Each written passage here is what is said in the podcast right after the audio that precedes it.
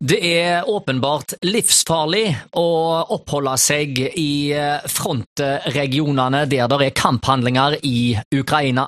Vi skal fortelle deg mer om livet ved fronten. Reporter Thomas Johannessen snakker med Jeanette Andersen Dyrseth fra Haugesund og Kvinnherad. Hun er regelmessig ved fronten og hjelper til med å frakte såra soldater og barn til sykehus. Men føler hun seg trygg?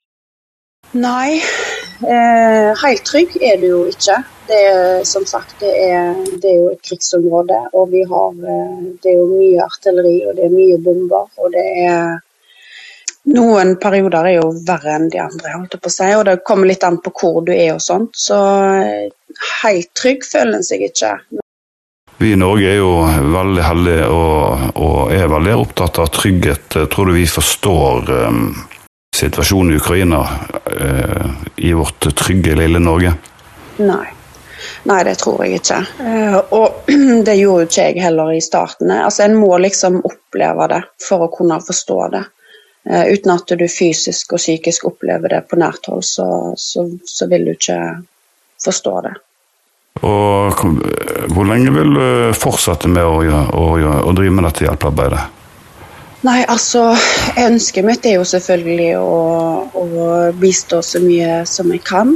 Eh, men jeg har jo familie eh, og, og, ting hjemme.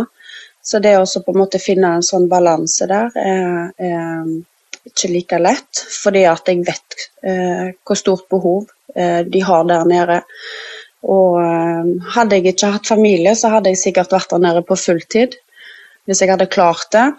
Men på en annen måte òg så gjør det det gjør noe med deg som person, det med de inntrykkene du sitter med der eh, etter vært der nede. og det, det, er ikke for alle.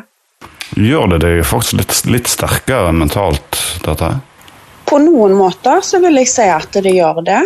Eh, og så er det jo selvfølgelig òg veldig viktig at når en eh, tar et valg eh, og reiser ned til et sånt område, eh, det, det, påvirker jo meg i en stor grad. Uh, en ser jo ting som en ikke ser i Norge. Uh, så det er utrolig viktig at en nå tar vare på seg sjøl. Uh, det som jeg òg gjør etter hver tur jeg har hatt der nede, er å snakke med noen. det er utrolig viktig. Og òg snakke med noen som, som på en måte forstår hva du egentlig har vært med på, hva du har gjort, som, som gjerne har eh, lignende erfaringer sjøl. Gjerne folk som har vært der nede sjøl òg. Eh, det gjør veldig godt. Inntrykkene er svært dramatiske. Dette vil påvirke alle hjelpearbeiderne. Vi snakker altså med Jeanette Andersen Dyrseth, og reporter var Thomas Johannessen.